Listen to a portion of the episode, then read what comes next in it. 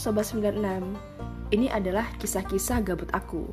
Jadi kalau kamu juga gabut Kamu bisa kemari di 96 Podcast.